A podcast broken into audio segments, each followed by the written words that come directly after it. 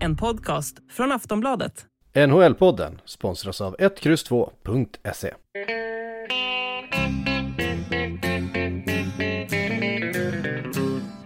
Hello out there, we're on the air. It's hockey night tonight. Tension grows, the whistle blows, and the puck goes down the ice. The goalie jumps and the players bump, and the fans all go insane. Someone roars, Bobby scores at the good old hockey game. Oh, the good old hockey game is the best game you can name. And the best game you can name is. the Hallå, good hallå, old hallå, hallå, hallå, hallå, hallå, hallå, hallå, hallå. Hallå och välkomna till eh, NHL-podcasten med Jonathan Hallåmannen Ekeliv i ett, eh, som jag har förstått, väldigt kallt Stockholm. Uh, brr, och-. Och mig, Per Bjurman, i ett eh, ganska så kallt New York också. Eh, och vi ska nu spela in vårt 252 eh, avsnitt. Ja, precis. Och den här gången inte i plus, utan varannan vecka från och med nu är det ju öppet och varannat plus. Och det här är ett helt vanligt, gammalt, hederligt NHL-poddavsnitt. Jaha, är de andra ohederliga? Nej, det skulle jag inte säga. Och det var det inte förra veckan heller. Det var, eh, det var samma upplägg även då, kan man säga. ja, det var Rent väldigt innehållsmässigt. hederligt. Mm. Jaha, hur mår du då där i kylan? Jag såg att det var 15 grader kallt i morse i, i huvudstaden. Ja, du, jag har eh, varit och köpt eh, så här speciella, vad heter det för något? Eh, sulor. Med så här, Långkalsonger. Jag har långkalsonger på mig och så här sulor med eh, ull i. Liksom så att, eh, för jag, jag höll på att förfrysa fötterna helgen. Det var en riktig lower body på mig på måndag sen. Liksom. Jag kunde ju knappt gå. Men eh, nu har jag eh, klätt mig som, eh, som man bör göra i det här vädret. Så, såna, jag vet inte om det är sådana sulor jag hade en gång i, i Washington. Eh, eh, som jag fick låna av en japansk eh, kollega. Eh, Det var på eh, inauguration för eh, Barack Obama, alltså i januari 2009. Jaha. Ja. när han hade vunnit valet där. Så var jag nere på inauguration och det var ju utomhus. Och det var ett, vi i media hade fått väldigt bra plats om det hade blivit något fel, så jag satt otroligt bra. Jaha. Men var ju tvungen, för att eh, allt skulle fungera med logistiken där, så var jag tvungen att vara på plats 05.00. Och fick gå och sätta mig utomhus och det började 11. Oj. Så vi satt där ett tag och det var svinkallt och jag, min idiot, hade bara liksom sneakers på mig. Ja, jo, det är så jag har tänkt eh, tidigare här i veckan. Mm. Ja, och jag höll på att fry, förfrysa fötterna. Men då, min japanska kollega som satt på stolen bredvid lånade ut ett par sulor som var någon slags automatisk värme i. När man satt dem i skorna så blev det som att man hade liksom en kamin i skorna. Okej, ja. ja. En japansk specialitet. Det är ett tips här från NHL-podden då, för det är många som upplever det här problemet tror jag i veckan här i köldslaget Stockholm och Sverige. Att eh, sådana här japanska kaminsulor ska man tydligen ha. Ja. Ja, men jag har faktiskt inget annat än, än, än eh, sneakers och liksom finskor. Jag, det var länge sedan jag hade kängor för vintern. ja. Men det är inte så ofta det blir den typen av kyla kanske i New York. Jo, i januari så blir det ju svinkallt. Då kommer just de här vinterstormarna du pratar om, som eh, lamslår hela staten. Ja, och så några dagar, dagar efter det så blir det absolut vansinnigt kallt här. Ja, just det, så brukar det blåsa kallt också. Precis, det, medan det är liksom minus 10 så blåser det som fan. Och det är liksom Antarktis Ja, ändå. Ja. Okej, ja, men de där japanska sulorna tar jag faktiskt med mig. De kanske är bättre än mina ullsulor som ändå är 3 plus skulle jag väl ändå säga. ja, ja, bättre än ingenting. Då har så långkalsonger på då förstås. Ja, ja men det är, där är jag rutinerad i alla fall. Ja. Men du, eh, det har minst sagt hunnit hända saker eh, sedan vi talades vid sist. Det är ju så med den här ligan. Den är en riktig drama queen. Ja, verkligen. Alltså jättemycket senaste dagarna här bara. Det, det blåser kallt kan man säga på vissa håll i, i NHL. Ja, och det är liksom, eh, det får inte gå många dagar utan att det är något som liksom får hela hockeyvärlden att rycka till. Saker som händer i NHL. Och vi, vi ska ta och gå igenom dem i, och jag tänker kronologiskt, eller ja, kronologiskt, men vi har ju två lag vi måste eh, börja med där det har skett stora förändringar då. Ja, Eh, och, och, och först och främst så är det då Vancouver.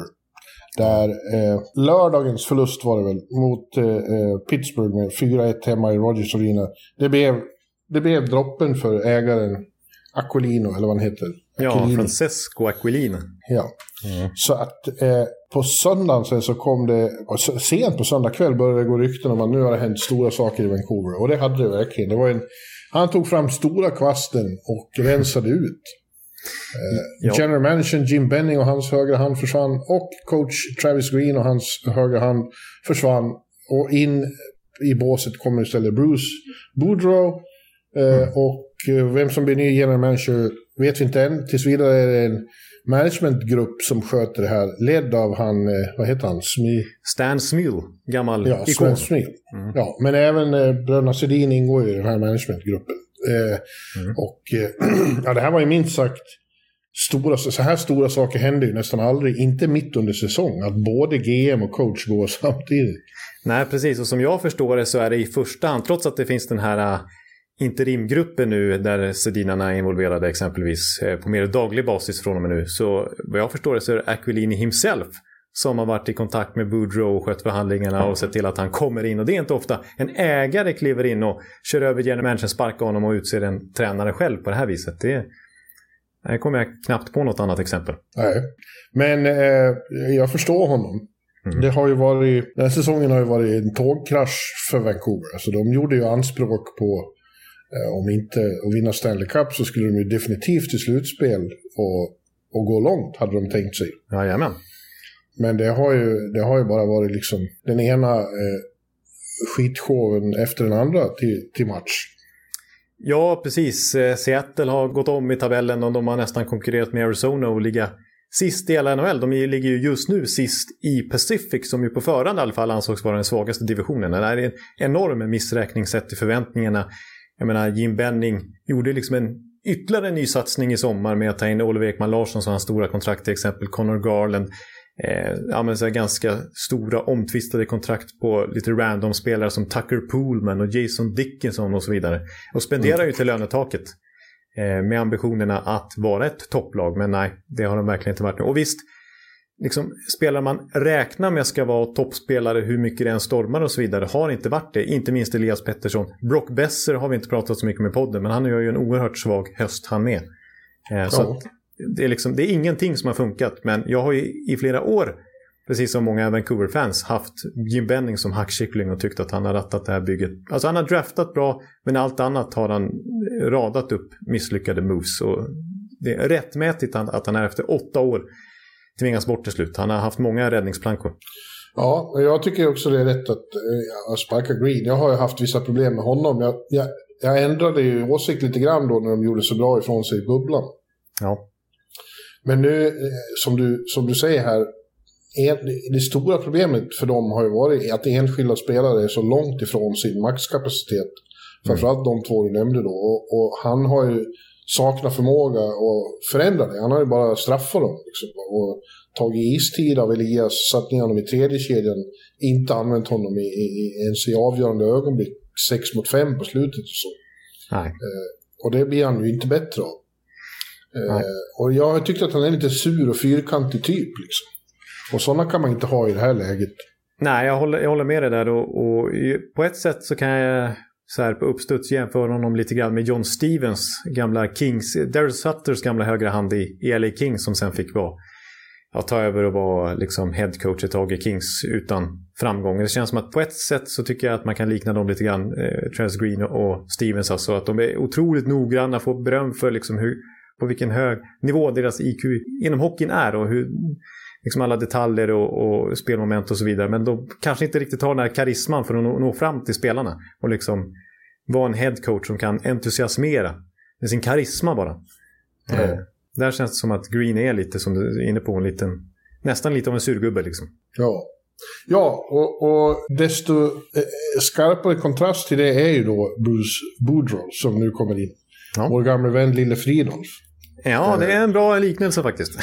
Ja, han är ju exceptionellt godmodig eh, och eh, positiv, optimistisk eh, och, kul. Det är bara kul att han är med igen och man får se honom på presskonferenser och så. Och effekten blev ju omedelbar. De, de klappade till LA Kings med 4-0 i, i hans första match. Ja, och det var poäng och det var mål av Besser och det var assist av Pettersson och det liksom var... Ja, Elias, Elias såg helt ny ut. Eh, han gjorde inget mål, han missade en straff. Eh, men han, man, man såg att eh, det här, den här nyordningen eh, hade liksom tänt till honom. Och är det något jag tror Bruce kommer att vara bra på så, så är det det att få... Så som Elias har ju haft det tungt och man ser på honom att han börjar tvivla på sig själv, att han saknar självförtroende, att han tänker för mycket och för, håller för hårt i klubban och inte riktigt vet vad han ska ta sig till. Mm. BB kommer att se till att han slappnar av, ha kul, skjut som fan och, och bara ta det lugnt. ja.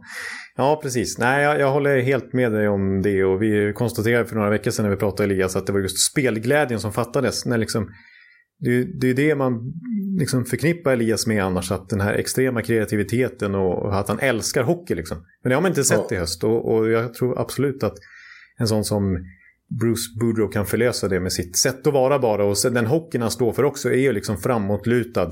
Gå på offensiven, ta initiativet, ta tillbaka pucken när ni tappar den. Liksom det, det är inget stå och vänta och så vidare utan det är ju det är en offensiv hockey han står för. Ja, aggressiv. Det var ju ett, ett, ett påtagligt nytt inslag igår att det var så aggressiv forechecking. Mm. Det har man inte alls sett på slutet när man spelat. Man har varit för avvaktande. Liksom. Eh, helt nytt nu. Och grejen är ju den här, om han får igång Elias och Brook, då får mm. han ju förmodligen igång hela laget. Det är ju liksom de som driver det här laget. Ja, absolut. För när, när de har varit igång, jag menar då har vi ju varit imponerade av Vancouver. Som du ja. inte minst i, i bubblan där när de skrällde, skrällde sig hyfsat långt i alla fall och, och spelade bra liksom. Även om han är en, en väldigt bra, trevlig, sympatisk person så gör han ju inte det här för att vara snäll. Utan det är ju ett ändamål i sig att få igång dem. För då kommer laget igång. Ja, ja absolut. Eh, måste ju nämna det så här, jag tror många förknippar Boudreaux bara med så fucking fuck, fuck you, fuck, fuck, fuck. fucking shits, fucking, fucking, fucking, fucking, and well they, they fucking, fucking, fucking, fucking guys, fucking, fucking, fucking, fucking, fuck with this. Efter liksom, ja, det här inslaget i, i Road to Winter Classic för några år sedan när han var i Washington, så det har ju gått ett antal år sedan dess, men när, när de hade en fuck counter liksom, han Eh, spotta ut sig typ 32 fax på en minut i en eh, ja. halvtids, eller halvtid, nu pratar vi fotboll i paussnack. Ja, hans mamma hade ringt och sagt att hon skulle tvätta munnen på honom. Ja, ja precis. Så då kanske man får bilden av honom som en så här old school, liksom, skällande coach som bara står som en pitbull. Liksom. Men riktigt så är det väl inte i alla fall, utan det är ju snarare en, en, en mysfarbror. Och jag kommer ihåg, vi har ju delat hiss med honom en gång i Tampa. Ja. Kommer du ihåg det? Och då fick bara där, på den korta stunden, de 15 sekunderna, så tror jag att det, eh, det liksom hoppade ur, två pappaskämt ur munnen på honom där liksom. Det var, det var någon bredvid där som, någon sån här room service-snubbe som skulle upp med chokladdoppade jordgubbar till något rum där. Och då hörde man Bruce liksom stå där, oh, those are for me right? uh, take two of those to me and uh, put the bill on, uh, on Zach Parisi. typ sådär. Ja. Han, han har redan fått ur sig ett, eh, ett underbart fack i, i, offentligt i Vancouver. Ja. Den första presskonferensen på morning, efter morningskaten igår. Eh, ja. Han skulle resa sig upp från podiet. Det var lite tungt att resa sig. Då hörde alla ah, fuck. Ja. ja, ja, precis. Ja, men det, exakt. Men det är också så att nästan alla som har spelat för honom, med några få undantag som det blev konflikt med då. Eh, Micke Nylander är en, eh, Teemu Sellen en annan. Så eh, nästan alla älskar, som har spelat för honom älskar Bruce. Ja, precis. Exakt, och det tror jag Elias verkligen kommer dels, göra. Mm. Dels för att han är så trevlig, men också för att han har fått, han står för en hockey som hockeyspelare tycker om. Och han, fick, han har ju fått alla han har kommit till, så fort han har kommit dit har han börjat vinna. Precis, det har varit så i Washington, i Anaheim och även Minnesota. Och, och, han har coachat i 13 säsonger tror jag. I 11 av dem har han, har han tagit sitt lag till slutspel och, och ser man till winning percentage liksom. Eh, av, han har ju coachat nästan tusen matcher. Och det är bara 28 coacher som har coachat fler matcher än honom. Och av de coacherna så är det bara en som har högre segerprocent i, eller poängprocent helt enkelt i grundserien. Och det är ju självaste Scotty Bowman som är helt ouppnåelig. Eh, ja. Bowman är, eh, Boudreau är före Joel Quenneville, före Barry Trotz, före Peter Laviolette, Mike Babcock och alla möjliga coacher som, som varit framgångsrika i, i grundserien tidigare. Men eh, sen är det slutspelet då. Eh, det ja, där. det är ju det. Mm. Där har det inte varit något. Hans, hans eh, grundserierekord är ju enastående. Men sen har det aldrig riktigt... Eh, han har aldrig tagit sig till final. Trots att han har haft Nej, väldigt bara bra en lag. konferensfinal av de här elva slutspelen faktiskt. Det har varit idel första runda exits. Ja, med... med eh, nej, må, någon gång måste han ha tagit sig till andra rundan med Washington. Ja, absolut. Han har tagit sig till andra rundan ett gäng gånger också, men bara en gång alltså till konferensfinal. Och det var med Anaheim. Ja, det var med Anaheim, precis. Men, Mot eh, eh, Nashville tror jag. ja, det var väl 2017 då. Mm. Ja, precis. Ja, ja. Det, men eh, ja, jag, jag smsade med en spelare som har haft honom länge eh, i söndags. eh, Och eh, när nyheten kom och han sa det, ja nu kommer Vancouver börja vinna direkt. Och, och mycket riktigt. Ja. Ja, nej, men jag, precis. Det är bara, bara hans eh, sätt att vara eh, kommer liksom väcka nytt liv och vara, innebära en ny start för hela gruppen där. Liksom. Ja. Det blir, Ja, det skulle vara kul. Och, och, och de var ju eh, extatiska i Rogers Arena och de sjöng ju om Bruce eh, i slutet av matchen. Ja, bara, bara en sån sak. Ja. Bruce där, han, och själv skrockar efter så ja, jag blir lite nervös. Det, Bruce och Boo är så nära varandra. Ja, just det. ja, ja. ja, men sen är, sen är det frågan då på general manager-posten hur, hur, vem som ska ta över där. Och där har det redan börjat cirkulera lite rykten om att Aquilini ska vara ett stort fan av Mark Bergevin. Och att han, Ja, jag läste det. ja. Kanske bara går någon vecka så, så har Bergevin ett jobb. Ja, jag tycker inte det är något dumt. Alltså, eh, det har svajat hit och dit i Montreal, men han har gjort mycket intressanta, liksom djärva eh, ingrepp, Bergevin, under sina år där. Vi har ju både haft, eh, vi har varit både vin och vatten i vår kritik, eller hur? Ja, alltså det är ju en handfast person. Du, man kan förstå att, liksom att eh, det är en trygghet att ha honom i organisationen på det viset. Han, han, ja, man, man litar ju på honom på det viset. Men sen så, hans hockeymoves, ja, det är verkligen vin och, ömsom vin, ömsom vatten. Liksom. Det känns som att han skjuter lite från höften ibland tycker jag och ibland träffar han helt snett. Liksom. Eh, och jag vet inte om det är riktigt det jag vill ha i Vancouver just nu. Jag, skulle, jag är ju lite mer för de här långsiktiga typerna. Medan Mark Bergevin är van i Montreal. Och den samma press finns ju i Vancouver. Att liksom prestera nu, nu, nu hela tiden. Och att agera utifrån det hela tiden. Och liksom glömma bort lite grann det här långsiktiga tänket. Och förhålla sig till lönetaket ur ett långsiktigt perspektiv också. Men ja, men jag kan förstå att Aquilini lockas av, av Bergevin nu när han finns tillgänglig. Vilka mer alternativ? Eh, alltså general manager kan ju rätt många olika sorters figurer bli. Eh, det är inte riktigt samma som på coachfronten, att man ser exakt vilka som är lediga och vilka man tror kan bli aktuella. Det, det, det beror ju på hur de tänker. Jag, jag tycker ju att det här med att Daniel och Henrik är inblandade är väldigt intressant. Därför att det är två mycket kloka, eftertänksamma människor. Exakt, just eftertänksamma var ordet som dök upp i mitt huvud. Som eh, ju jag anspråkar, ans, vad säger jag, anspråkar? Förordar. Förordar. Ja. Eh, ja, jag känner, ja, eh, hos, en, hos en GM. Alltså hos en Ja, GM. du är ju tvekeliv, så du är Ja, mer... precis. Så du tycker inte om de här snabba rycken? Liksom. Nej, precis. spontana rycken. Nej, exakt. Man, man skulle kunna tro ett annat namn som faktiskt, namn som faktiskt har nämnts eh, i Vancouver redan nu eh, är John Shaka. Jaha. Det, Eh, som är avstängd fram till eh, årsskiftet här. Att han skulle för, för eh, sitt infekterade avslut i, i Coyotes.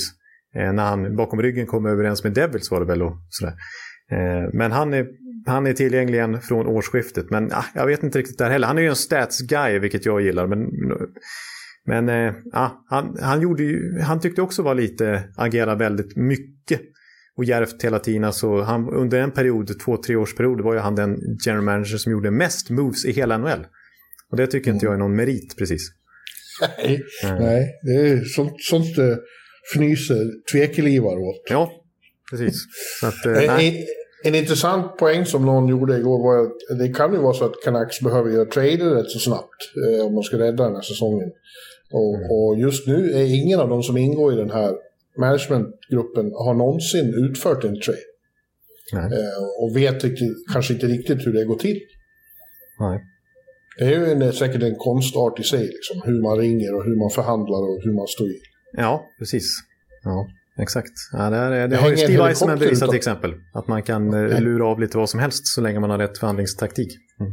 Ja, det hänger en helikopter utanför mitt fönster, bara så du vet. Jaha, de är, de är spionerade Per på avsnitt 352 och ser vad, vad det har för Ja. körschema där egentligen. Nej, de, de kretsar kring eh, Empire State Building. Eh, det är någon som håller på att filma eller något.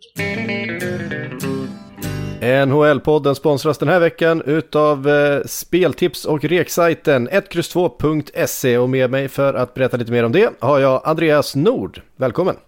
Tackar, tackar! Ja, vi på 1X2.se är ju en sajt där man kan ta del av speltips från några av Sveriges främsta experter. Man kan även jämföra odds och bonusar och mycket annat bland de bästa spelbolagen där ute. Men innan jag skickar med er mitt speltips för den här gången så vill jag påminna om tävlingen vi kör tillsammans med Sportbladet. Ni har alltså chansen att helt kostnadsfritt vara med och tävla om en drömresa värd 10 000 kronor. Och varje vecka tävlar vi även ut matchtröjor och halsdukar. Allting ni behöver göra för att vara med är att gå in på vår hemsida, 1X2.se och gissa resultatet i lite matcher. Och jag vet Patrik att du har ju varit där och knappat lite grann. Jag har det, eh, så att är man intresserad av att slå mig eh, i det här så tror jag att den chansen är ganska stor. Precis. Man har ju även chansen att nyttja den här resan till hockey ska sägas, även om det är fotbollsmatcher man ska gissa på just nu.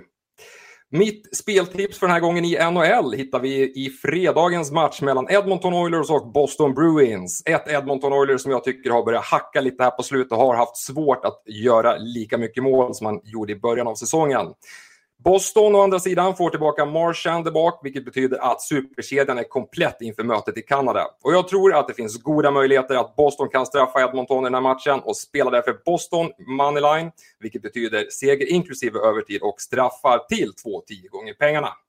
Och fler reko, speltips och dessutom då tävlingen tillsammans med Sportbladet hittar du på 1X2.se. Ja, Även i Philadelphia Flyers eh, så blev det ju till slut så att eh, ett, eh, en förlust som blev, vad heter det, som knäckte kamelens rygg. Ja, något sånt där det brukar du prata om. Det blev ordspråk och då håller jag tyst. ja, ja eh, de åkte på, efter åttonde raka förlusten, en, en totalt bedrövlig insats mot Tampa var det ju. Eh, mm. Tampa gjorde vad de ville i Wells Fargo. Ja, och då som Tampa-fan måste jag bara lägga till då att det var med Elliot i kassen, inte Vasilevski. Det var utan Point, det var utan ja, Kutjov förstås. Ja. Eh, och det var en back-to-back, -back, andra matchen efter att ha varit i Boston kvällen tidigare. Så att det var... Jag såg att ja. Niklas Wiberg, ju, Sveriges kanske största Philly-supporter ihop med några andra, Pontus Wernbloom till exempel, eh, skrev att är det någon kväll vi ska slå Tampa så är det nu. Och så gick det som gick 1-7. Ja, och strax därefter då så fick badtofflan, eller Vigneault, eh, lämna skutan tillsammans med eh, Michel Thurien och istället tog den andra assisterande över Mike, Mike Joe. Mm. Eller hur säger man? Ja, jag skulle säga Joe. Mm. Joe. Mm. Eh, det fick ingen omedelbar effekt precis. De förlorade även en, en nionde raka igår mot eh, Colorado. Det var lite tufft motstånd. Eh, men det, såg, ja, det såg kanske till och från i alla fall lite bättre ut, men de är fortfarande alldeles för bedrövliga på att, att försvara sig. Det blev sju mål i baken igen. Ja, ja. det blev ju det. Men eh, samma där, att det var ju, det fanns inget riktigt annat alternativ. Allting, golvet har ju gått ur liksom. Och jag, av de lag jag har sett live i år, eh, när jag mm. såg de här på, på Garden, så är Philadelphia sämst. Eh, Oj, det är inget bra betyg. Nej, eh, lättast att spela mot skulle jag säga. De, de, det var, de var lite förvånade nästan såg man på Rangers-spelarna att det var så enkelt. Det inte var någon forechecking att tala om. Att det inte var något positionsspel hos motståndaren. Man kunde göra lite vad man ville. Nej, precis. Där, där verkar det verkligen som att Vigneault successivt under sin tid där och sist, sist här framförallt under det var ingen bra vår, men framförallt under hösten hur han har tappat omklädningsrummet. Hur det har varit en, re, alltså en rejäl spricka mellan spelargruppen och honom och Emma Therian. Liksom. Eh, ja. Att de inte velat varandra väl, höll jag på att säga. Det är klart de kanske har.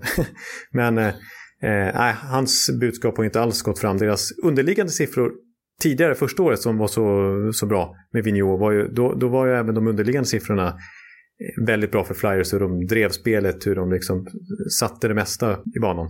Men nu, ja, förra säsongen var alltså resultatmässigt inget bra, men ändå någorlunda hyfsat i, även i de underliggande siffrorna, men nu under hösten så har det varit katastrof. De har varit ett av ligans absolut sämsta lag när det kommer till att driva spelet. Absoluta botten när det kommer till expected goals. De, de förväntas släppa in mycket mål, de förväntas göra få mål. Och precis så har det sett ut. Så det, det finns inte, inte funnits någonting som har tytt på en, vändning, utan tvärtom, de har förtjänat att ligga där de ligger. Men det är ganska typiskt Vigneault. Alltså det, går, det går i allmänhet bra i början när han kommer till sina nya lag och sen over, overstay his welcome. Och, och kör fast och tappar laget. Hans arrogans kryper fram eh, och så slutar det så här. Ja. Eh, special teams har ju också varit då, framförallt powerplay, som Terrien har haft ansvar för, har ju varit ett skämt. ja, och det borde inte vara så dåligt med tanke på spelarna de kan peta in i powerplay. Liksom. Det, Det är, det är samma sak, alltså, eh, skillnaden mellan eh, Vancouver och Philadelphia tycker jag är att just eh, de har ju väldigt bra spelare som har varit okej. G- Giro är bra, Ryan Ellis när han har kunnat spela har varit bra. Men det är ju mer systematiskt hos Philadelphia just nu, att, spelsystemet inte fungerar. Nej, precis. Och inte, alltså, framåt definitivt, för de gör ju så lite mål. När de gjorde fem mål här mot Colorado, i alla fall i 5-7 förlusten, så var det första gången på över en månad de gjorde mer än tre mål i en match. Så Ja. de är för, förtvivlat eh, svårt framåt faktiskt. Eh, men framförallt eh, försvarsspelet, hur, hur många jätteklara chanser som dyker upp. Liksom att de inte, de är helt förvirrade. Och det borde inte vara så med det spelarmaterial de har, tycker vi. Nej. Och då, då ska vi säga Till och, med en att, sån som, till och med en sån som Provo har varit ganska dålig den här säsongen. ja. ja, och det är ju egentligen en väldigt bra back. Eh, Ja. Carter Hart maskerar ju det här i början. För att de, alltså de första 10-11 matcherna så pratar vi inte alls speciellt negativt om Philadelphia. För att Carter Hart eh, stängde igen butiken och det, det liksom eh, blev som en mantel över, över hur halvsvagt ändå Philadelphia spelade. Men här på slutet har ju inte Hart kunnat rädda dem. Tvärtom har han sett lite grann ut som vårens Carter Hart. Och då har ju golvet rasat ihop totalt. Ja. Eh, Nu har de ju varit verkligen ett av NHLs absolut sämsta lag spelmässigt också. Huruvida Joe, Mike Joe är den som ska ta över på längre basis återstår att se. Han är ju interim coach nu. Jag skulle tro att de letar efter någon annan. Ja, precis. Det är visserligen en sån här Fletcher-kille, för han hade, hade ju honom under många år i Minnesota. Eh, Det var ju där Mm. Joe slog igenom som coach kan man säga. Under Fletcher. Sen var det ju Fletcher som sparkade honom till slut visserligen. Eh, Men sen hade han ju lyckad, eh, eller ja, man kan väl säga både och om hans sejour i St. Louis. För att det började med att vart assisterande ett tag, fick ta över från Hitchcock mitt under säsongen ungefär som det är nu i Philadelphia. Och gjorde ju succé då, hade ett rekord på 22-8-2 resten av säsongen. De gick till slutspel och de slog ut Fletchers Minnesota i det slutspelet också innan de åkte ut i andra rundan till slut. Men sen avslutades ju hans St. Louis-period med att de var katastrofdåliga, låg sist. Ungefär som Philadelphia gör nu kan man säga också då. Och att Craig Berube, apropå Philadelphia, kom in, tog över samma St. Louis-lag och gick och vann hela Stanley Cup. Så att, eh, ja, man kan Mm. säga både och om Joe, men jag håller med dig om att jag har svårt att se att han ska vara Fletchers riktiga val på sikt. Utan de ska spela fem matcher på sju dagar, Philadelphia. Så att, att bara kalla in en ny coach hur som helst är svårt. Eh, Joe fanns ju där och de har en trust sedan tidigare och, och bara ratta bygget tills vidare. Men jag, jag, jag tror verkligen att det är en interim-lösning. Ja, så vem kommer då in istället? Eh, Ja. Heta namn är Claude Julien, eh, John Tortorella, kanske eh, Tocket. Ja, alltså, ja precis. Det är, det är väl de som, som det snackas om. Eh, Tocket som är Philadelphia-ikon som spelare. Mm. Visserligen lite Pittsburgh-ikon på något vis också, framförallt som tränare, inte minst. Han har vunnit så mycket kupper som assisterande. Men eh, han kan ju sätta ett försvar i alla fall. Ja, det kan Men jag tycker, jag, tycker jag, blir, jag blir kittlad av tanken på Torts i, i, i Philadelphia. Det känns som... Är det någon som har en image som, eh, som står i samklang med hela Flyers image så är det väl han. Snacka om en bully på Broad Street igen. Ja, exakt. Ja, jag tänkte säga det också. Det är då liksom Tortorella, bara som han är som person naturligtvis, med den it- identiteten han implementerar i hela organisationen, det är ju den som Philadelphia bara vill vara och som de egentligen är. Deras historia. Ja. Så att absolut, det, visst vill man se Tortorella. Och samtidigt så här, efter tre, fyra år, men jag, jag, jag tror det skulle funka bra med Tortorella i Philadelphia, men efter tre, fyra år, alltså med tanke på alla exits coacher har gjort det här. Tänk dig Niklas Wibergs relation med, med John Tortorella 2024. När han Ja. till slut får sparken. Det kommer ju vara den största sprickan genom tiderna. Ja. Ja, det är väl något som är tråkigt med Flyers som någon påpekade här att det är, lite segt för Philadelphia att de, fan, fansens höjdpunkter de senaste 28 åren är de gånger coacher har fått sparken. När, när Brewer fick sparken, Hackstall fick sparken och Vigneault fick sparken. Det är det bästa de har upplevt. Ja, det är verkligen. Det är pikarna. Liksom. Det är då de har mått som bäst. Ja. ja, det är inte så lyckat. Nej, Nej. Nej men jag, jag tror väl att det, det känns ju naturligt att plocka in Tocket. För han är, verkar ju extremt sugen på att ta ett NHL-jobb. Och eh, han eh, blev så sent som i november här invald i Philadelphias Hall of Fame. Eh, jag har svårt att säga att han skulle, han skulle tacka ja på några hundradelar om han fick erbjudandet. Ja, vi får se. Ja. Är En annan stor nyhet som detonerade i slutet av helgen var ju då det faktum att eh, Robin Lehner eh, berättade att han eh, tackar nej till OS av hälsoskäl. Han eh, har kommit fram till att eh, det är för riskabelt för hans mentala hälsa att åka till Peking och sitta isolerad och kanske dessutom vara hotad med, eh, med riktigt svår eh, isolering om man skulle testa positivt. Det talas ju om det att spelarna kan bli satta i karantän i tre veckor om de testar positivt medan de är där. Ja, just det. Då är det en rejäl isolering. Det är liksom... Ja. Mm. Men han, eh, Robin har länge pratat om att det, det var en utmaning eh, att sitta i bubblan i Edmonton till exempel och vara helt isolerad. Hans bipolära sjukdom eh, är, är det inget bra alls. Eh, man får, det, det genererar väldigt mycket ångest och, och dåligt psykiskt mående. Det ska vi komma ihåg också. I våras eh, så var ju han på en presskonferens och snackade ganska öppet, får man säga, där skickade några passningar till NHL att eh, de inte höll vad de lovade då gällande att öppna upp restriktionerna när Mm.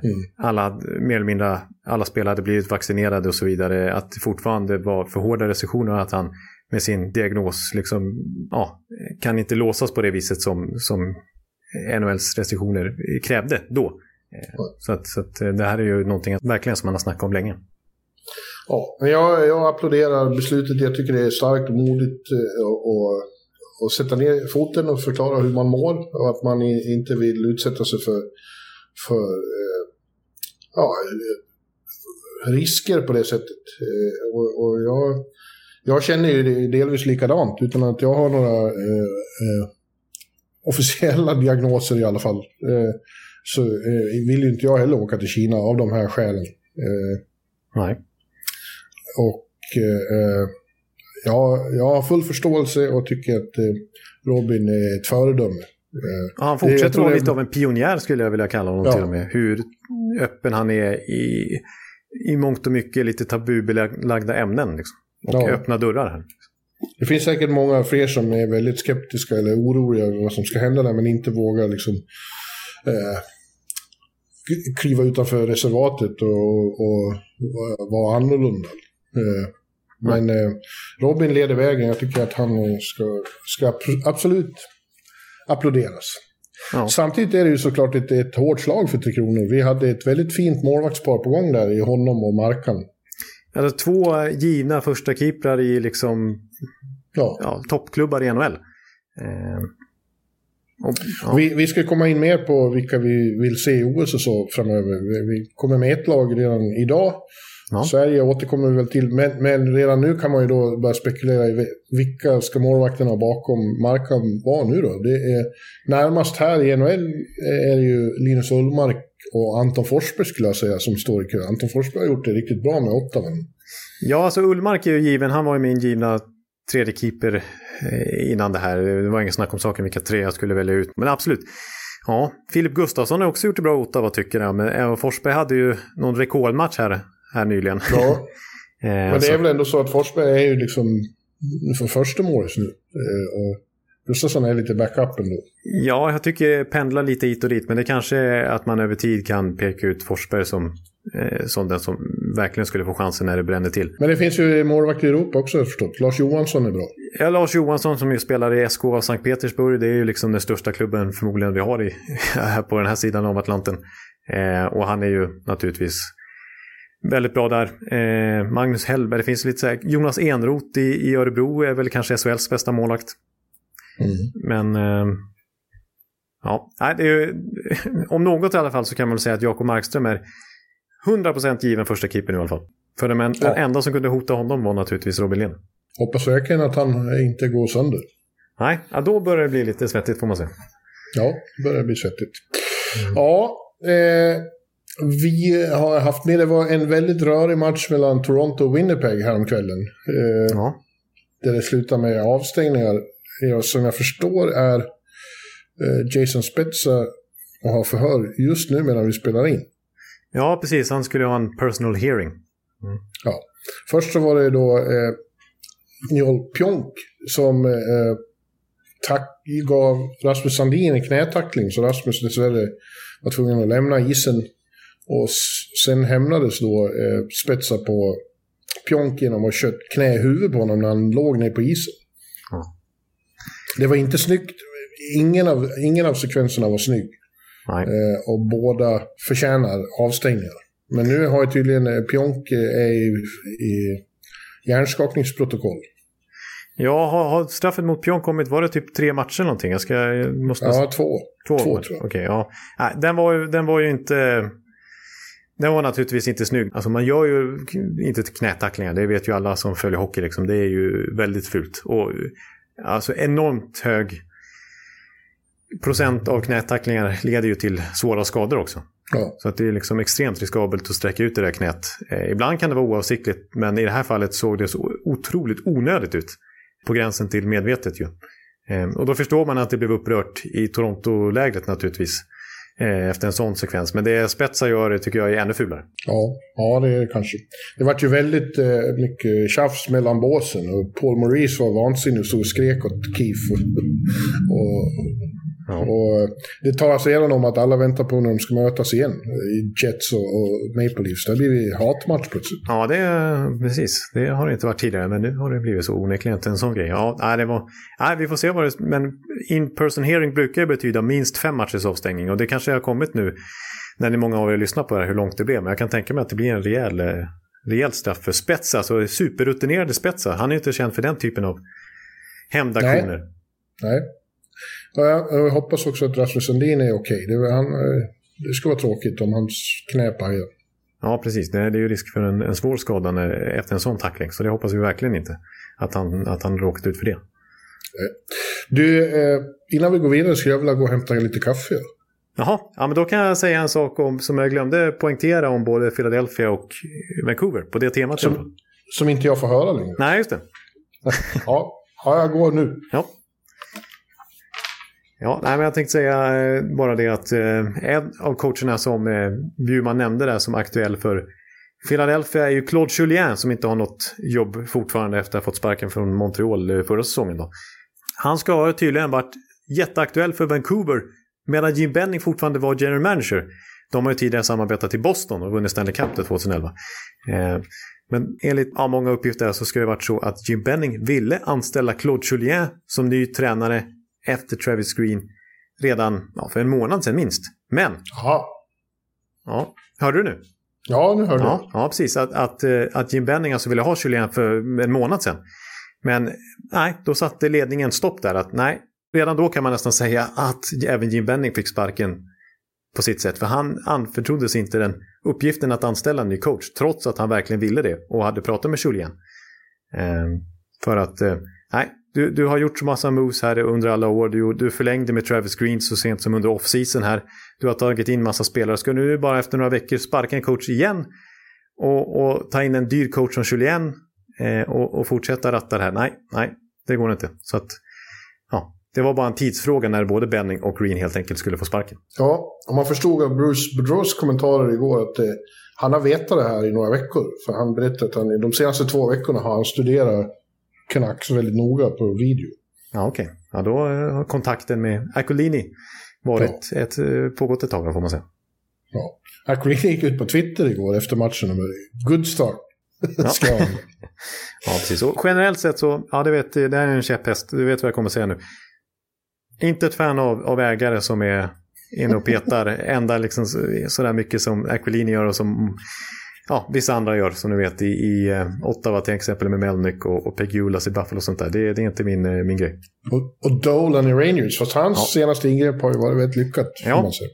Jo, precis. Och ibland kanske man inte kan ha för mycket tålamod. Eller man får säga att han har haft tålamod med Benning i åtta år. Liksom. Och till slut så, så, eh, så kände han att det måste göras någonting. Så att, ja, jag... Det är ändå deras lag. liksom. De Ja. har rätt att göra precis vad de vill. ja, ja, så är det. Ja, eh, jag tänkte också att vi bara skulle li, lite titta rent hockeymässigt på ett par lag som eh, har gått väldigt bra. Framförallt i Central eh, Division då. Och där kan vi börja med att konstatera att Minnesota har gjort ett ryck i toppen av tabellen. De är nu, eh, ja, vad blir det? Det är sju poäng för eh, tvåan Colorado. Ja, det är imponerande. Ja, och de har sex raka och eh, går, de går som tåget, eh, Minnesota. Ja, jag, jag måste säga att jag är förvånad att eh, det spelarmaterialet räcker så långt. Men jag har ju flera gånger pratat om hur, hur det där spelsystemet verkligen sitter i ryggmärgen på varenda en. Eh, så att Dean Evison ska ha stor cred, men också hur många i spelargruppen. Och, men alltså, så här en spelare som... Varför, varför, varför tvekar de det här laget? För det, det, Nej, men jag tänker inte att det ska duga med så Ryan Hartman som en toppspelare, men han har ju klivit fram i år helt plötsligt och, och blivit eh, bra, liksom, alltså riktigt Han är bra. första center mellan Kaprizov och Zuccarello. Ja, alltså. Nej, jag tycker att de har lite för profilfattigt lag utöver sina superprofiler. Alltså som Kaprizov börjar säsongen lite svagt, nu är han ju stekhet verkligen. Och, och jag noterar när jag kollar lite snabbt här att skulle man bara räkna mål och första assist och stryka det här andra assisten som att eh, jag vet att de testar att göra i Tjeckien någon gång. Bara köra poäng för, för första assisten. Eh, då skulle Kaprizov ligga extremt högt upp i poäng. Han gör nästan bara första assist och mål då förstås. Ja, jag, jag måste nog invända mot din syn här. Jag, ty jag tycker att Minnesota har ju varit, varit känt för det genom åren och har för lite profiler och var för tråkigt lag. Jag tycker att de har, de har en uppsättning av de roligaste forwardsen i hela ligan nu med Kaprizov, Zuccarello och Fiala. Jo, ja, men de, Och- de tre, absolut. Men och där- även Joel Eriksson Ek, inte på samma sätt, men det är ju också en attraktion att se med sitt ohyggliga krigande. Ja, men, eh, ja, jag är förvånad att eh, många andra längre ner i hierarkin har, gör, så stort, gör så stort avtryck också. Ja, Eh, att- du gillar att- inte Jordan Greenway och Marcus Nej, alltså jag, har inte, jag har inget emot dem, men jag har svårt att säga att, de, att eh, den, den, den typen av spelare så högt upp i, i hierarkin eh, i ett NHL-lag ska leda till att du rycker i den kanske svåraste divisionen. Men eh, Ja. jag är ju helt motbevisad där. Och, och jag säger ju det igen, alltså spelsystemet gör att alla spelare i princip, eh, kanske inte överpresterar, men i alla fall når toppen av sin förmåga. Ja, Dean Everson måste få eh, absolut Jack Adams eh, consideration. Ja. ja, det var vi inne på förra veckan i, i vår Ja, lilla... det var ju det. Men ja, sen är det ju väldigt bra backar. ju. Alltså Jonas Brodin igen går från klarhet till klarhet. Han spelar ju ohyggligt många minuter nu och är så jävla stabil. Ja, ja, han, är, han har ju fortfarande inte fått sitt stora erkännande i Sverige, vilken klassback han är. Och han ska det få väldigt många i minuter i Peking också. Ja, ja verkligen. Sen har de bra målvakter i Cam Talbot och Capo Kakkonen. De, de, Käkkunen eh, om man ska peta in de, eh, våra eh, bokstäver här borta. ja, vi vet ju vem som invänder om jag inte säger det. Jarkko! Ja. Eh, eh, de är inte några superstars heller, men eh, otroligt gedigna. ja, ja, det är verkligen...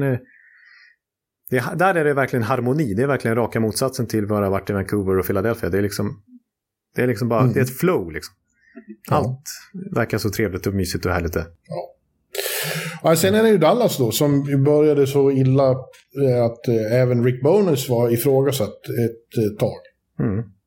Eh, nu har de vunnit sju raka och, och är uppe på tredje plats i, i, i Central. Eh, och imponerar väldigt. De har verkligen kommit igång. Ja, jag är, där är jag också förvånad, för kanske inte sett till spelarmaterialet, men sett till vi, hur vi pratade om dem för en månad sedan, eller mindre än en månad sedan, tre veckor sedan kanske. När de fortfarande, ja då hade de precis tagit sin första seger i, i ordinarie tid tror jag. Mm. De hade så otroligt mycket jämna matcher i början där de ofta förlorat till slut, men, men eh, nej, nu är de ju super, superbra igen och, och eh, en sak vill jag säga i alla fall, att i våra previews inför säsongen när vi pratade om Dallas eh, så var jag förvånad att man Ja, jag var förvånad överhuvudtaget att man tog in Braden Holtby. Nu har han varit bra, men att man behövde ta in honom när man redan hade Anton Khudobin och Jake Ottinger. Och, eh, och Big Ben Bishop som nu ska göra några matcher i AHL för att se om han, eh, vad han är för form. Han är skadefri äntligen. Ja, han vill inte lägga av utan han försöker, försöker här få, få igång karriären igen. Eh, men eh, nu när Jake Ottinger till slut har kallats upp efter att ha fått inleda AHL, trots att jag tycker kan, han, man skulle kunna argumentera för att han är kanske deras bästa målvakt. Eh, ja, då har han ju varit kanonbra i kassen. Ja, nu är det kudden som är mer eller mindre tredje målis här. Ja, det ryktas om att de försöker skeppa honom. Ja, det är tråkigt eftersom jag har honom i, i fantasy. Ja. Målvaktsproblem där. Ja, men de har ju, eh, efter många om och men så har ju Bonus liksom stuvat om lite också. Eh, för det har ju varit så lite statiskt med att det alltid har varit Seguin, Ben och Radulov. Ja. Eh, nu är det inte så. Första kedjan är en Jason Robertson som verkligen har kommit igång. Rupe Hintz som är bäst i laget. Ja. Och Pavelski. Och sen är det Jakob Pettersson som efter en liten stint i AHL har kommit tillbaka och spelar med Ben och Radulov. Ja. Och, och, och börjar göra mål igen. Eh, han är bra den här Pettersson. Ja, det, han fick ju enorma lovord på försäsongen när de inte räknade med att han skulle Ja. starta i NHL, men han, de kunde ju inte peta honom. Liksom. Eh, och så är det Seguin nere i tredje kedjan med Faxa och Tanner Kero. Vem nu det är. Ja, det är en liten journeyman. Ja. Ja. Nej, men alltså, Men, eh, Hintz, Hintz och Robertson var ju väldigt bra redan i fjol och, och Hintz gick ju faktiskt upp på över point per game under våren och Robertson hade ju du som årets rookie. Ja, eh, kommer ihåg. Tack, jag vet. Så det är ju, men alltså nu har de ju verkligen, för Robertson var ju borta i början av säsongen med skada, men nu när han och, och Hintz är återförenade, det sammanfaller ju faktiskt lite grann med deras eh, enorma Ja. lyft här. För att eh, där har de ju verkligen deras två nya cornerstones offensivt. Och sen, menar, sen har de ju bra backar i Heiskanen inte minst, och så Klingberg och, och Suter och, och Lindell och så vidare. Det, och Även där har ju Bonus brutit upp. Det har ju, Klingberg och Lindell har ju varit par i många år. Mm. Eh, men nu är det Suder Klingberg och Lindell och Heiskanen. Ja. Eh, Klingberg väntar vi fortfarande på att det ska lyfta lite. Han har fortfarande inte gjort någon mål.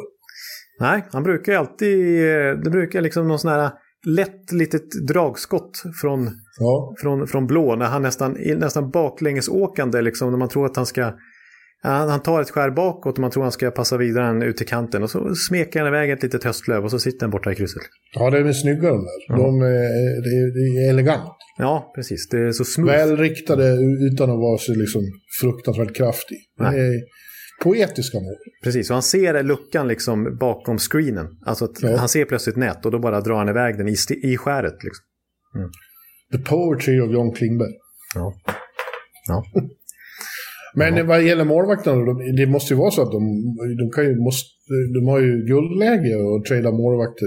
För det finns, finns det behov av på sina håll, kan man ju lugnt säga. Ja, det är verkligen. Verkligen, verkligen, verkligen. Och, eh, ja, nej, och vi vet ju att tre målvaktssystem och kanske till och med fyrmålvaktssystem om Bishop eh, skulle vara hel och frisk, visar det sig.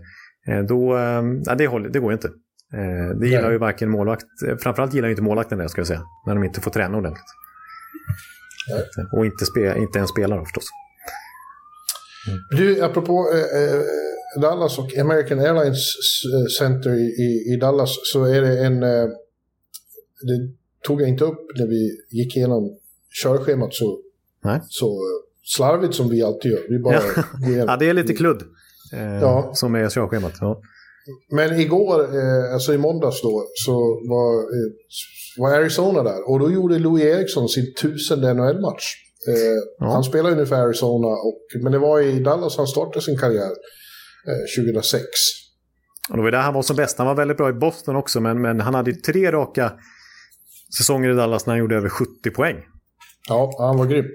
Eh, och eh, ja, eh, han hyllades, man kommer att hyllas ännu mer imorgon när han eh, återvänder till, till Arizona. Då är familjen där och så. Men jag vill bara liksom ge en liten shout-out till eh, Louis. Han har varit stor favorit i många år. Det har varit lite tråkigt här på slutet med sega åren i Vancouver på slutet. Men nu är han ju, eh, nu får han ju spela. Och Arizona är inget topplag men, men eh, eh känns som en bra slutkläm på karriären. Och eh, all, all heders åt Lou. Han har varit en väldigt bra person att ha att göra med för mig. Jag, jag tycker väldigt mycket om honom.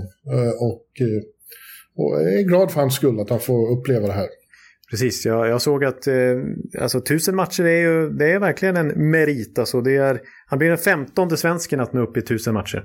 Ja, Eh, och det har spelat ja, runt 400 svenskar i NHL, så det är bara 15 som har nått den, den milstolpen. Den enda övriga aktiva svensk som har nått dit är Beckis. Ja. Eh, De närmaste bakom, de har en bit, ja, Edler är inte så långt ifrån. Han kommer kanske att nå tusen snart också. Eh, Och sen är det Strolle då förstås, och Hedman och Erik Karlsson. Ja. Eh, Som, som, men de är ganska långt bak. Det tar sin tid att komma upp i tusen. Ja, det gör det verkligen. Och apropå Eriksson då, så ja, det är som du var inne på, lite tråkigt slut. Och han blev ju en riktig hackkyckling i Vancouver med tanke på hans stora kontrakt. Och han var ju bäst betald i laget i många år. Eh, och levde ju inte upp till det. Men eh, nej, när man ändå summerar hans NHL-karriär så är det ju enormt många år där han var väldigt bra. Och inte minst i Dallas då, och även i Boston. Det var ju därför han fick det här stora kontraktet av Vancouver. För Boston hade inte råd att behålla honom. Alltså, de behövde, skulle ju verkligen nu behöva den secondary scoring som Lou Eriksson och Carl Söderberg tillsammans verkligen bidrog med i några år. där. Han gjorde ju 63 Ja. poäng sista säsongen i Boston. Och han var ju ett, ett stort utbyte för Boston när de tradade bort Tyler Sagan. Mm. Eh, och bara en sån sak vittnar ju om eh, synen på Lou Eriksson vid den tidpunkten. Så att eh, en, en stor svensk spelare. Mitt bästa minne av Louis är nog, eh, konferensfinalen 2008. Det är länge sedan. Ja, det är länge sedan. Ja. Eh, Då var det Detroit-Dallas. Eh, och det var Louis och Joel Lundqvist som utgjorde deras checking line. Och de var grymma. De var, gjorde det riktigt svårt för Detroit som ju sen fortsatte vann alltihopa. Grossman ingick i laget och Mattias Nordström. Det var ett riktigt svenskt lag Dallas. Så det var jävligt kul att hänga i, Dallas. Och då, då vart jag väldigt förtjust i, i, i Louis. Han var väldigt rolig att ha att göra med. Lite bortkommen. Han är ju legendarisk för sånt. eh, För konstiga kommentarer. liksom, Som, som när de... Som när Dallas hade eh, tradat till sig eh, Brad Richards. ja, just det. Från Och- Tampa. Ja, och, och, och media frågade honom vad, vad tycker du om de här eh, traderna nu Louis som ni har gjort idag? Åh, det ska bli jävligt kul att Keith Richards kommer hit. Så. Ja. Ja, ja, och notan satt bredvid och hörde det. Han höll på att dö. ja. ja Hey, den där Brad, hade hade jag Brad faktiskt. Louis. Brad Louis, inte Keith Richards. Ja, nej, det var ingen, det var ingen gammal gubbe som eh, spelade gitarr som, som kom in i omklädningsrummet. Nej. Ingen gammal heroinist som Nej, lever nej, rock'n'roll kan man säga också. Nej. Ja. Ja, eh, eh, men grattis till Louis. Stort grattis. ja, det ska jag verkligen säga. Grattis Louis Eriksson.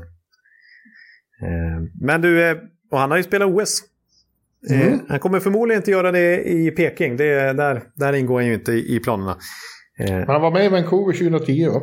ja, han var med i Sochi också va? Eh, Wow. Ja. Ja, ja, han lirade väl med Sedina där. Han, det, var, det var ju också delvis därför Vancouver la så mycket pengar på honom. För att han hade så fin kemi med Sedinarna i landslaget. Det var ju de tre när han eh, ingick i, i Sedinkedjan i, i Tre Kronor som, eh, det var ju de på, som på egen hand fixade VM-guld 2013 ja. i Globen.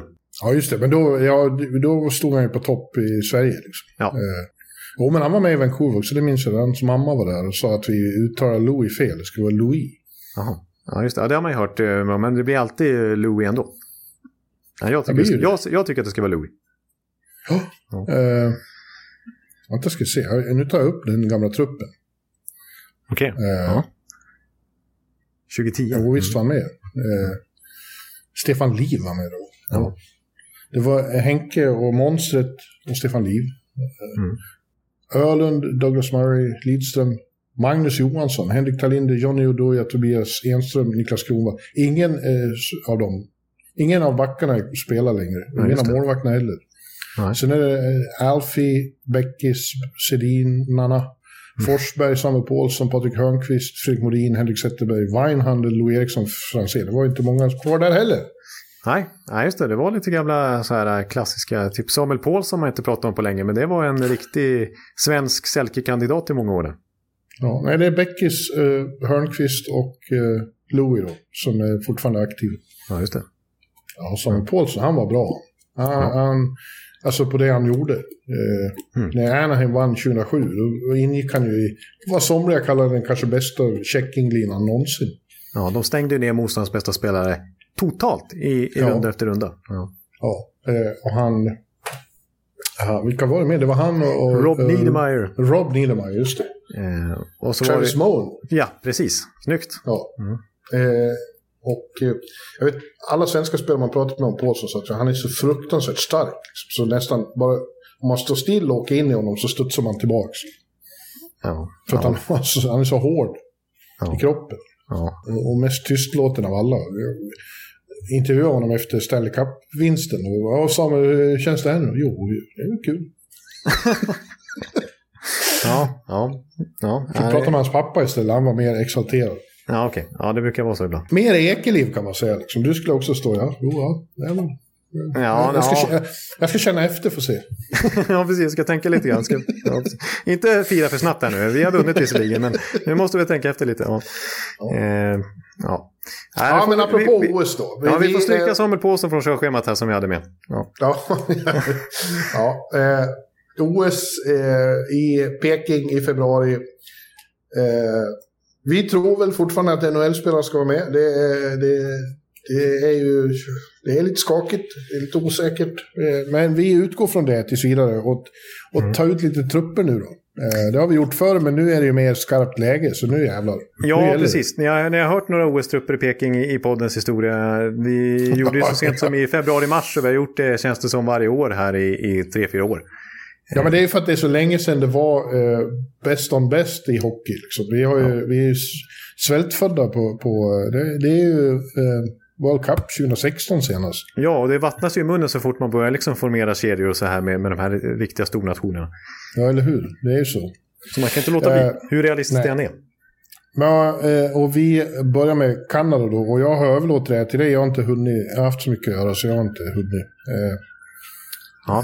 nej, men, ja, jag, jag, nej, det här var svårt alltså. Det, det, jag avundas inte Doug Armstrong. På ett sätt gör man ju det. För att hur, alltså man kan ju ta ut tre lag här och alla har chans att vinna OS. Så att eh, Doug Armstrong har ju väldigt stora möjligheter att få en guldmedalj. Eh, ja, eh, I princip vilket lag, lag han än tar ut. Men det är alltså St. Louis General Manager som har ansvaret för det här. Det är John Cooper som är head coach. Just det. Eh, Eh, ja, men jag skulle vilja säga innan du, eh, innan du börjar här. För Ja. du börjar väl med målvakterna då?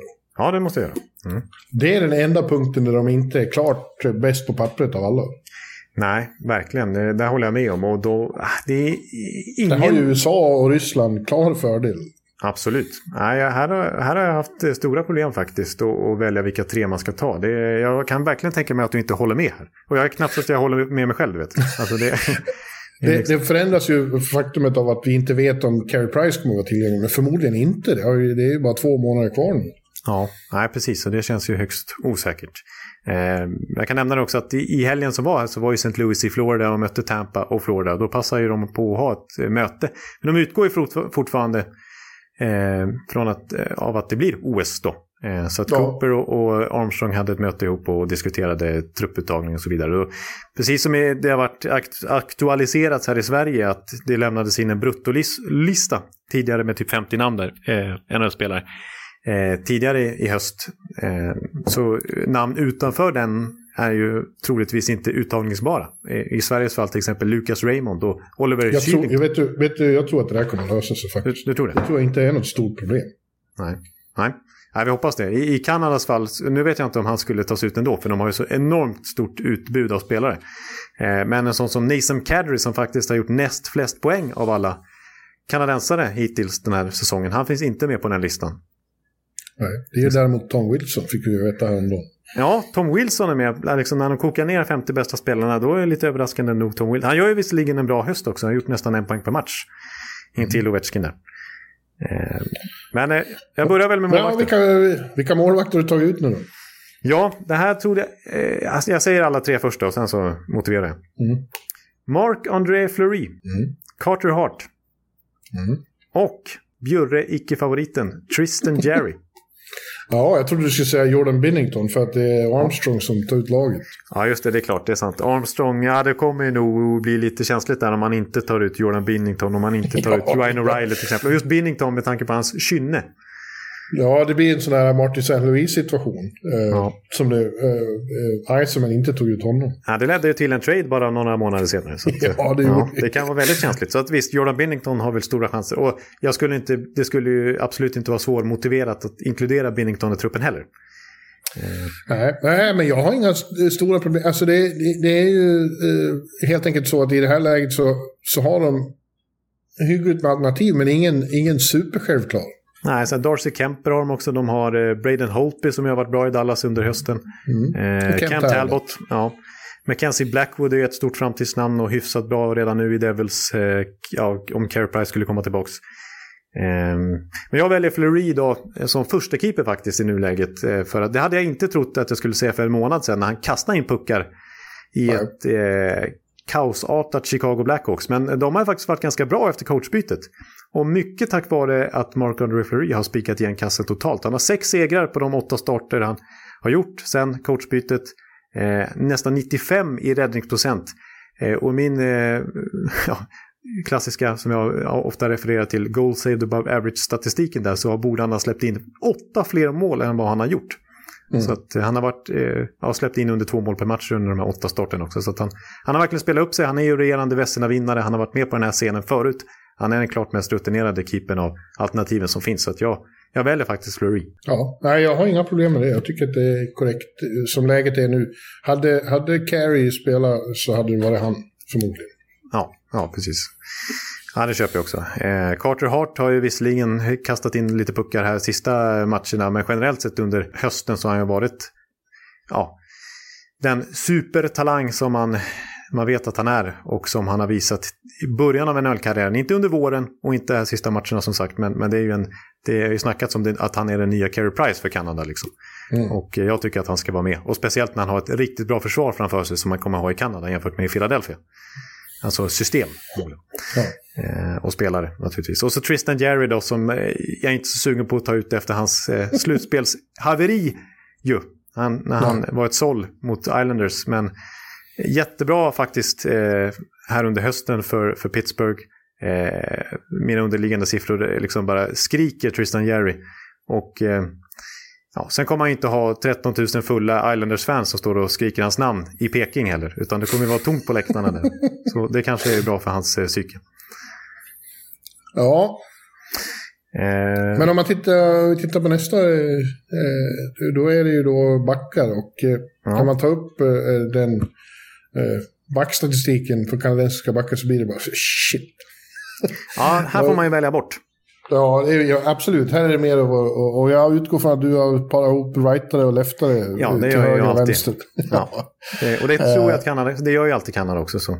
Ja, men det är ju något ruskigt vad de har eh, förspänt här med Ekblad och McCarr och Riley och Letang och Taves och Hamilton och Theodore och Pietrangelo och fan och hans moster. Ja, precis.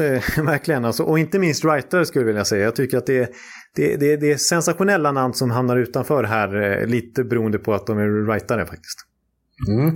Eh, Men jag, jag läser upp mina backpar då, så får jag motivera sen. Så, så får ni säga oj, oj, oj. Eh, det kanske ni säger åt något backpar här, men jag börjar.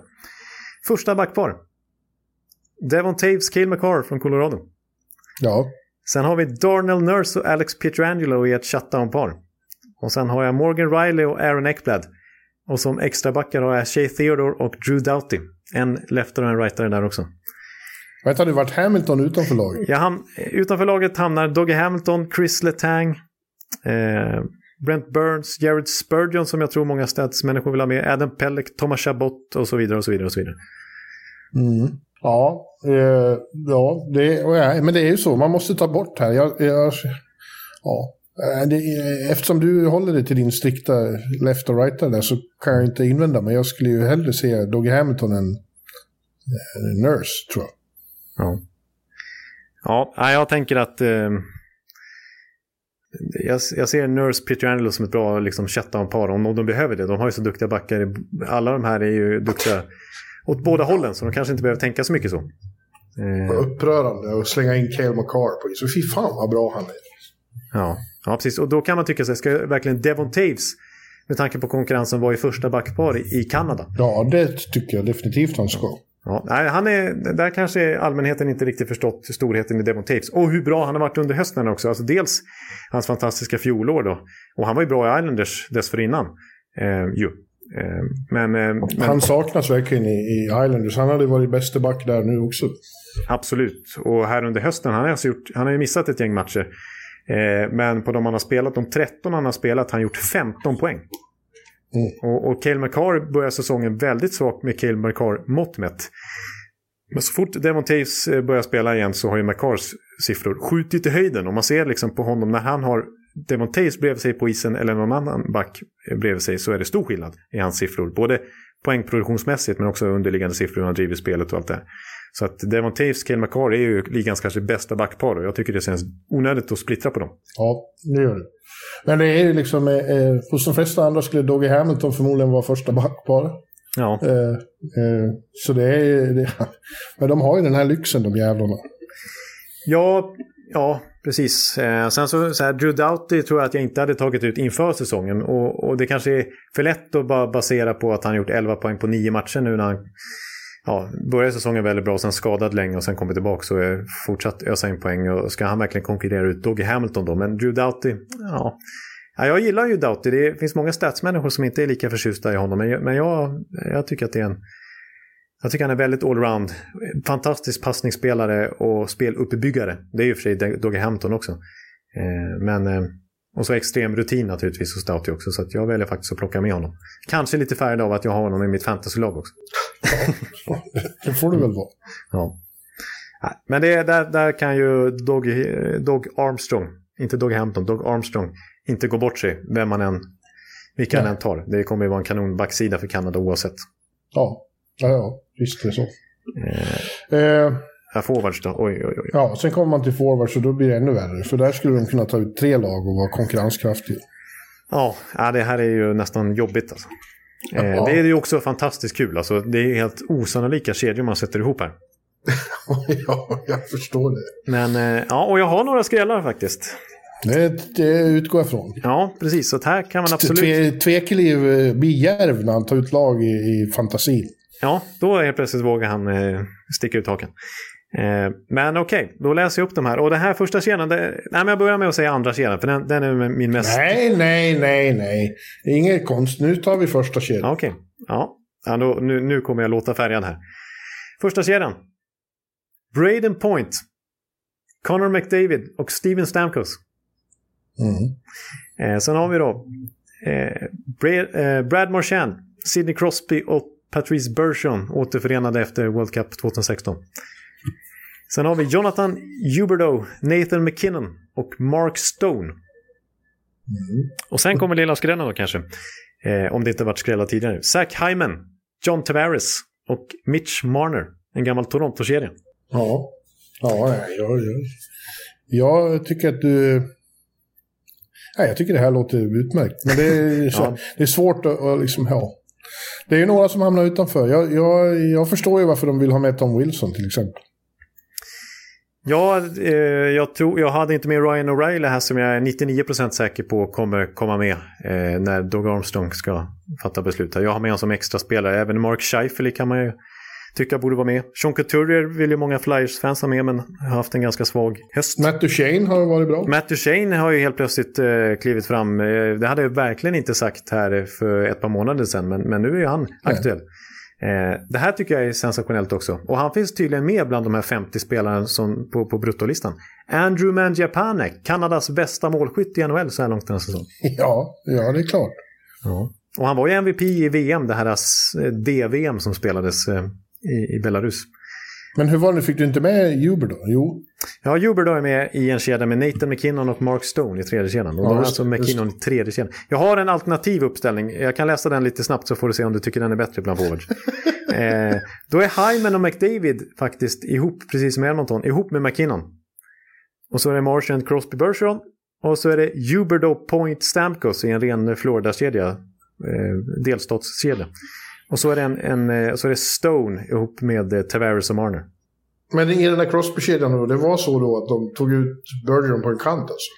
Ja, precis. Det är ju lite udda. Han är ju en av NHLs bästa tekare. Men det kan man ju lösa ändå att Bergeron går in och tekar när han har sin strong side och så vidare. Men eh, eh, ja, eh, det, var, det var de tre ihop. Ja. Mm. Absolut, jag, jag, jag hör dig. Eh, Jag, jag har mycket lite att invända. Ja, det är möjligt att jag eh, faktiskt eh, går till the dark side och vill ha med Tom Wilson. Ja, och vem, vem skulle du vilja peta? Du kanske skulle vilja, I mitt lag så kanske skulle vilja peta Zach Hyman eller Mitch. Marner eller Mark Stone. Nej, Hyman. Hyman och så. Ja. Ja, jag brinner ju hårt för, för Mark Stone till exempel. Det vet du. Sen, Ja, ja, det har jag inga problem med. Nej. Sen inför säsongen så tror jag kanske att jag hade petat självaste Steven Stamkos med tanke på att han, han ändå fallit något hack i hierarkin i Tampa. Han är inte den han är kapten och självklar ledare liksom verbalt och sådär men han kanske inte är riktigt go-to-guy på samma sätt längre när det finns en coach over point offensivt. Men han har varit bra. Men han har varit otrolig den här hösten. Eh, Leder ju verkligen Tampa här utan point och coach. Och när de har varit borta de sista matcherna har ju Tampa eh, spelat sin bästa, bästa hockey på säsongen och Stamkos har spelat sin bästa hockey på, på länge. Så att eh, eh, han tycker jag är given i OS-laget. Eh, vad heter han? Point, eh, är det helt säkert att han kommer vara eh, användbar då? Ja, det, det tror jag. Jag tror han kommer hinna spela också innan, innan uttagningen görs. Jag tror han är tillbaka runt jul ungefär. Mm. Men det, det får Ja. vi se. Ja, ja det är ett hyggligt lag. Ja, precis. Det, det är väl målvaktssidan som är ett litet frågetecken, men jag tycker inte att man behöver vara jätteorolig om man måste ställa Mark-André Fleury, Fleury eller Carter Hart eller, Nej. eller ens Cam Talbot i kassen. Liksom. Men rivalen i USA har bättre förspänt där med, med Hellebucken. Och, Ja, Jack Campbell, som Ja. är extremt bra just nu. och de är inte så långt efter på backsidan heller skulle jag vilja nej, påstå. nej, nej. Och det finns Nej. eh, forwards eh, så det Verkligen. räcker där också. Det blir spännande med USA om de kan få ihop det någon gång. Är det Ja. USA nästa vecka? Jag tror det va? Det är det va? ja, du kan börja titta på det redan nu. Ja. Ja, ja. Eh, ja, det var väl det. Jag- glömde en sak faktiskt. Vi, förra veckan, eh, och några av er har ju inte hört det då, vi, tog, vi gjorde ju en sån eh, som vi tänker oss varje månad, eh, NHL Awards. ja. När vi hade gjort det så gjorde eh, eh, Greg Wyszynski på ESPN eh, en, eh, en liten gallup bland röstande, inklusive mig då, ja, ja. Mm. om, om, hur, om hur folk skulle rösta nu. Mm. Mm. Och jag kan bara helt snabbt säga att det, det, det blev ju då eh, eh, Jakob Markström. Vesina? Eh, och så, ja, Mm. och så tror jag det var, ja, det var McDavid på Hart. Eller Ja. om det ja nu ska jag, det var han eller Dreisaitl. Ja. Och så var det, jag tror det var Adam Fox på Norris. Eh, det var Bergeron på Selke, det du ville ha Couture. Och Ja, var ja. Lucas Raymond som eh, Calder och eh, Daryl Sutter som coach.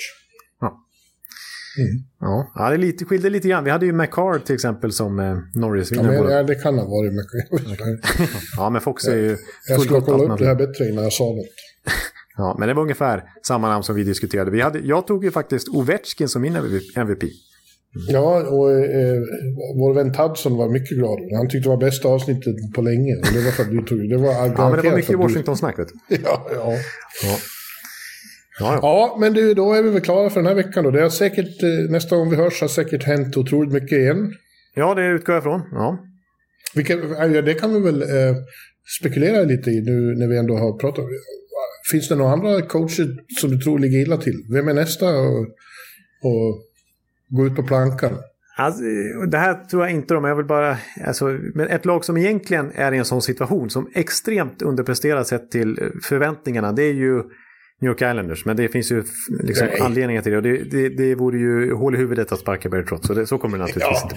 Nej, det, då, sparkar Barry Trotz då blir de kvar där för forever. Ja, exakt. Det, det, han är deras räddningsplanka för att liksom ta sig uppåt igen. Liksom. Eh, Jag tror att den man hör mest om just nu glunkas är lite Lindy Ruff. Ja. Att eh, de sjunker tillbaka lite igen, New Jersey, fast de har, ja, ser så lovande ut och man tror att han som är i deras farmarlag, de har ju vunnit, jag tror det var 19-1 Ja, just De är, ju- de är helt brutala. Mm. Det är Denin, eller hur? Mm. Mm. Att Gammal NHL-coach dessutom. Ja, kanske var ett snabbt byte där. Ja.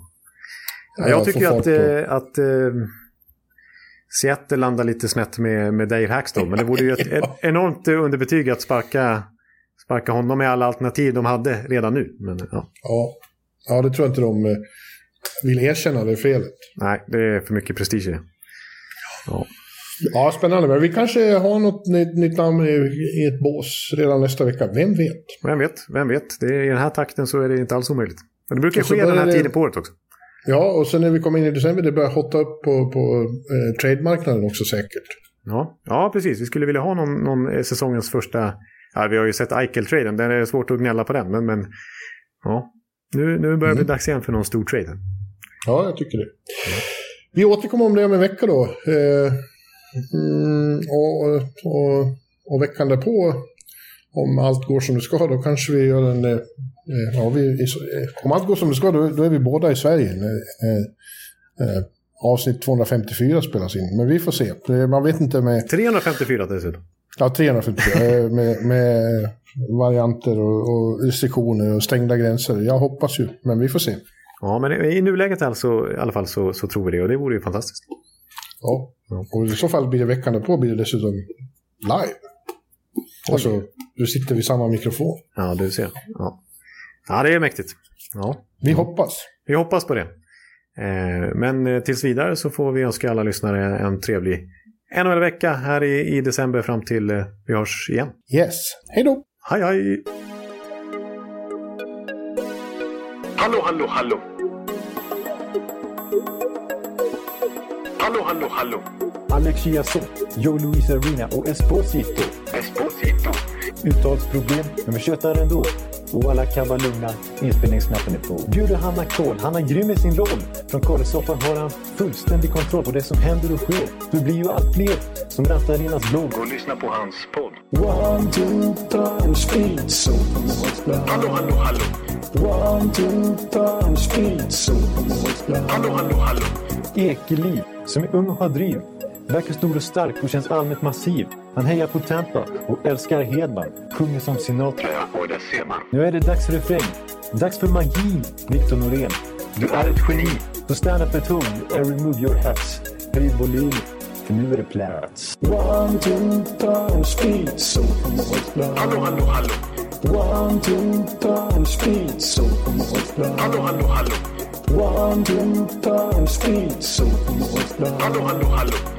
One, two, punch, speed, so Hallå, hallå, hallå. Det är otroligt länge sedan båda samtidigt var så här bra. Hallå, hallå, hallå. Det är otroligt länge sedan båda samtidigt var så här bra.